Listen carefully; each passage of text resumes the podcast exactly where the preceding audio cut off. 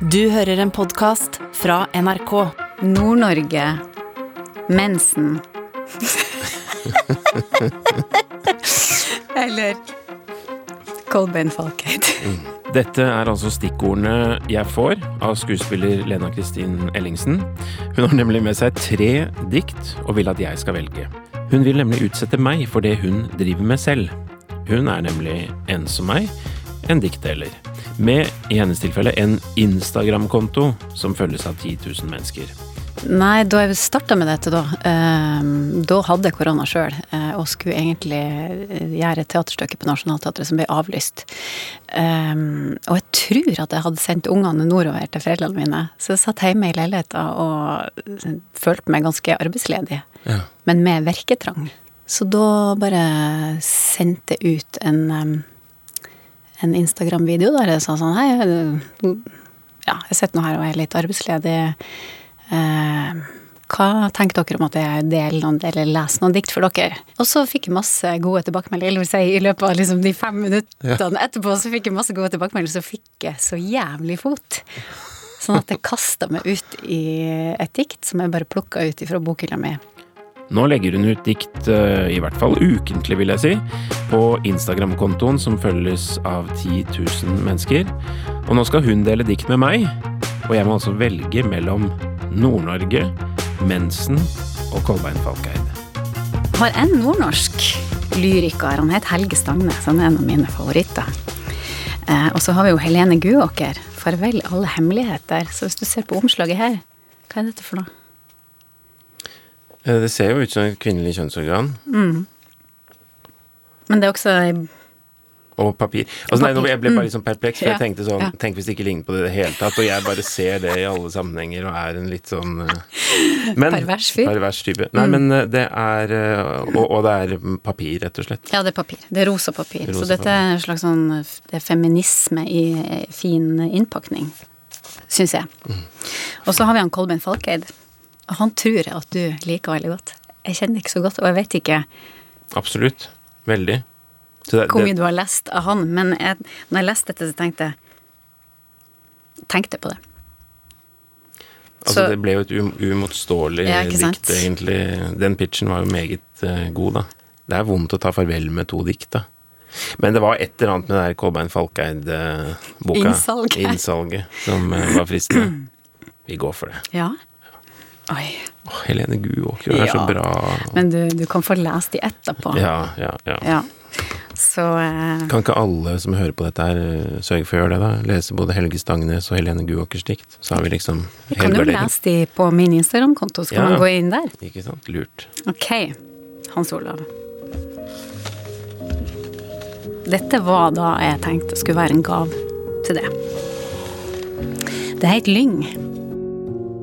Og når jeg øver hjemme, så har jeg lest det på bokmål, men jeg tror jeg skal lese det på min dialekt. For slår vi to fluer i ett smekk. Løgnen trives overalt her vest. Gror som bustete skjegg på kinnet til fjell og fly eller som fine øyenvipper rundt tjern og pytt, langt inne på heien, hvor myrsnipa sturer i starden, som en gammel skolemester i svart vest. Og heiloen spiller fløyt for danseglad mygg på myrflaten. Vind lusker alltid gjennom lyngen, tuter sin gamle ved i dens øyre, skryter om sin ferd over havet, vil lokke den med seg dit eller dit. Men løgnen blir. For løgnen er uten uro og ferd, bare står som svaiende tårn og dingler med sine små klokk utover heians kjerkebakker, spedklemt til sjelemess for vind og menneskehjerter. Det er nydelig. Jeg tror ikke jeg har lest det før. Nei, Og lyng er jo noe jeg har et veldig sterkt forhold til. er det? Fordi at jeg er eh, sønn av en birøkter. Ja. og da er det jo, ikke sant eh, Tidlig på sommeren så går jo biene på geitramsen særlig, da de får sommerhonning. Eh, og på høsten så går vi Eller mm, sensommeren så går biene på, på lyngen, da. Ja. Og da drar man som birøkter gjerne på lyngtrekk. Og det er kanskje mine aller sterkeste minner som barn. At, eh, at eh, pappa og mamma til dels laster opp hengeren med bikuber på kvelden hjemme der hvor jeg vokste opp. da. Så den blir helt full, ikke sant? for de må jo komme inn i bikuba på kvelden før man lukker igjen den der lille porten de kan fly ut gjennom, sånn at man får med seg alle biene på tur. Så må man sørge for å gjøre det etter at, eh, at mørket har falt på. Så man får med, seg, får med seg alle biene, og så løfte forsiktig disse bikubene over på hengeren ikke sant? og stroppe det fast veldig, veldig hardt. For du vil ikke ha en sånn bikubbe som går i oppløsning på vei oppover Østerdalen. Mm. Men, men bare ordet lyng, da, eller eh, fenomenet lyng, hva, hva vekker det i deg, eller hva ser du for deg? Hvordan skal jeg beskrive det, da? For det, det handler om heime. Og nå har jeg faktisk to eh, lyngpott med lyng hjemme i leiligheta mi, som blir veldig rolig på en eller annen måte. For at eh, ja, det handler om fjellet.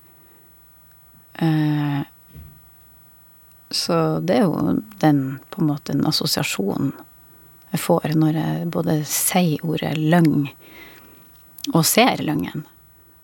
At det er noen ting som, som handler om min identitet, og da å være eh, fra Nord-Norge. Eller å, å, ha vokst opp i eh, I nærhet til naturen. Jeg tenker igjen på de derre uh, slettene, eller en skogsbunn hvor det Sped klemt, står det jo i diktet. Mm. Så jeg ser veldig for meg at det betyr at det står tett i tett. Ja. Så ser jeg for meg at hvis du blir tvunget til å gå på den lyngen, som jeg har gjort uh, ofte, og på sånn blåbærtur og, og diverse med familien, så føles det jo litt på kanten å tråkke på den. Men den liksom, den løfter seg jo litt opp igjen, det virker ikke Men det er en litt sånn knasende, krisp lyd når du tråkker på, på lyngen. Og du har på en måte ikke noe valg, for den står så, den står så tett, i, tett i tett. Og det er så mye av den. Ja, og så er det kanskje eh, den veksten, eller hvis man skal eh, kategorisere den som en blomst, så tenk at hvis det er en blomst du skal tråkke på, så er det den. Mm. Den tåler. Den tåler det. Den tåler alt. Vind kommer og prøver å lure den med seg, på en måte. Som kanskje en eh, Et sårbart eh, sår, Sårbar liten blomst. Men den står der. Den er liksom Den er rotfesta. Og den blir. For den er uten uro og ferd. Du slår meg som en fyr som ikke Som Som står. Som er rotfesta. Så hvis at Hvis Løggen skulle være en person, så tenker jeg at Løggen er du. Det er veldig koselig. Jeg eh, Jeg kjente Kan jeg få låne boka di bare så vidt? For det var, for det var akkurat dette her med Jeg ble misunnelig da. Eller jeg ble ikke misunnelig, men jeg ble Jeg kjente veldig på den der lengselen etter den roen, jeg også. For lyngen er uten uro og ferd. Bare står som svaiende tårn og dingler med sine små klokker. Utover heienes kirkebakker. Spe klemt. Der har du skrevet et spørsmålstegn. Ja. Skjønner ikke hva det betyr. Speklemt. Altså at det, det Den står trangt. tynt. Oh, ja. ja, at det, jeg vet ikke. At det er tynt ja, at, det, at det er forsiktig klemt, kanskje. At det er klemt sammen, på en måte. Ja. Jeg vet ikke. Lang er jo Det er jo ikke bare ett strå. Det er jo veldig tettpakka. Den står tett til Ja. sjelemesse for vind og menneskehjerter. Jeg syns det er så vakkert skrevet. Men det er jo da det pirrer meg òg at jeg ikke helt skjønner. Um, og så tenker jeg at han, eh, han, har blitt, han har latt seg friste av noe sånn som ligger godt i munnen med litt uh, bokstavrim og sånn her, Ja. med hvor mye-snipen sturer i starren. Ja, man kunne sture i gresset, liksom. ja, Men det, for det tenkte jeg sånn, jeg måtte slå Flere av de ordene måtte slå opp. Ja. Starr. Og ved. Ved er jo klag, eller vind som prøver, Ja. som, som prøver å nå Det er som i akk og ved. i akk og ved, ja, nå lyngen med sin klag, eller Lukke den ut på, på vide veier. Ja. Men den står. Her er det jo begravelsessanger i, i boka. Ja. Du har lest, eh, lest fra Kolbein Falkeid-boka i begravelser, eller? Ja, til bestemora mi, som døde i fjor, som ble 102 år gammel. Ja. Men Kolbein Falkhaug, han ja, eh, eh, Jeg begynner å grine bare jeg tenker på han. Han skriver Han evner på en måte å ja, han, han ser ofte tilbake, da. I hvert fall i begynnelsen av den samlinga der. Så peker de mye tilbake i tid. Forherlige, romantisere det som har vært. Mm. Også, ikke for å lage dårlig stemning her, men den er jo litt en hvilepute for folk som er, Ja. står ansvarlig for, eh, for gravsteder. Ja. Så ser jeg at de planter lyng på, på gravsteder, for den, den kommer jo, står jo der år etter år, og du slipper å følge den opp. Mm. Så det er mye lyng på, foran gravstøtter rundt omkring i Norge. Men tror du da har noe med det diktet å gjøre? Skjønner du hva jeg mener? Er det noe vi har oversett? At den tåler all vær og vind, og at man ikke trenger å se til den hver dag, men at den på en måte eh, Den er At den beskytter, eller at den er Ja, at den står der trufast. Ja, for jeg lurer faktisk på det, om det er faktisk er sånn at når jeg ser lyng på foran en gravstein, så får jeg, jeg får en god følelse. At det er noe Den står der litt og symboliserer evigheten på en god måte. Ja. Jeg syns jo døden er så urimelig at eh, Jeg skjønner ikke hvordan jeg skal tenke om det. Men har du et mer avklart forhold til det, vil du si? Jeg syns òg den er nådeløs. Det må jeg si. Når bestemora mi nå på 102 år død, så Så Jeg fikk sånn angstanfall på natta av tanken på at hun kom til å dø, for jeg visste at nå var, nå var tida inne. For at hun betydde så mye for meg i livet mitt være en sånn bauta. Um, og, og Ja, at eh, alt som har handla om heime, har hun vært en del av. Eh, Så, den, så selv om man blir gammel eh, og, og går ut av livet når man er gammel, så tror jeg det kan berøre de som står igjen like sterkt som ja, hvis man er litt yngre. Men, så, men da at jeg sjøl skal ut av livet, det har jeg ikke så komplisert forhold til. Jeg bare håper at det, at det skjer når jeg blir gammel, da.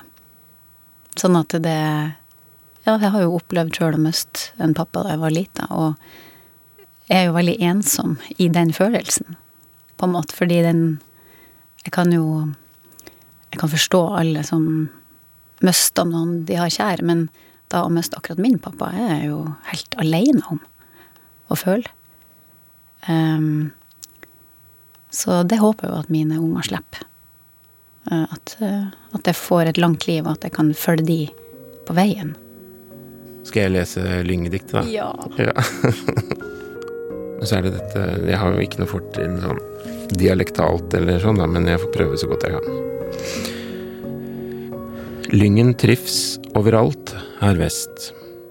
Gror som bustet skjegg på kinnet til fjell og flyer. Eller som fine øyenvipper rundt tjern og pytter. Langt inne på heiene, hvor myrsnipen sturer i starren som en gammel skolemester, i svart vest, og heiloen spiller fløyte for danseglad mygg på myrflatene.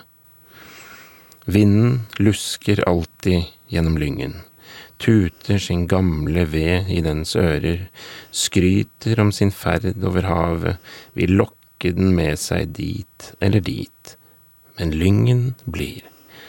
For lyngen er uten uro og ferd, bare står som svaiende tårn og dingler med sine små klokker, ut over heienes kirkebakker, sped klemt til en sjelemesse for vind og menneskehjerter.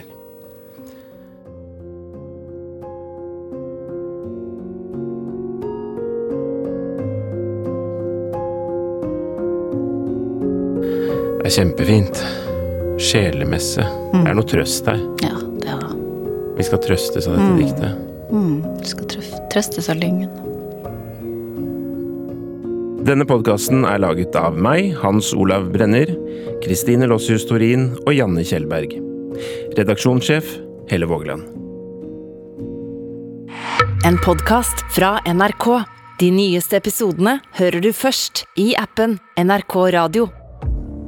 Da vi hørte Emilie Nicolas stemme og musikk for aller første gang, var vi alle enige om at hun kom til å bli den nye store norske superstjerna. Men så forsvant hun, og var borte lenge. Hva var det som skjedde, og hvordan påvirket pausen Emilie? Hør mer om dette i den nye episoden av Musikkrommet i appen NRK Radio.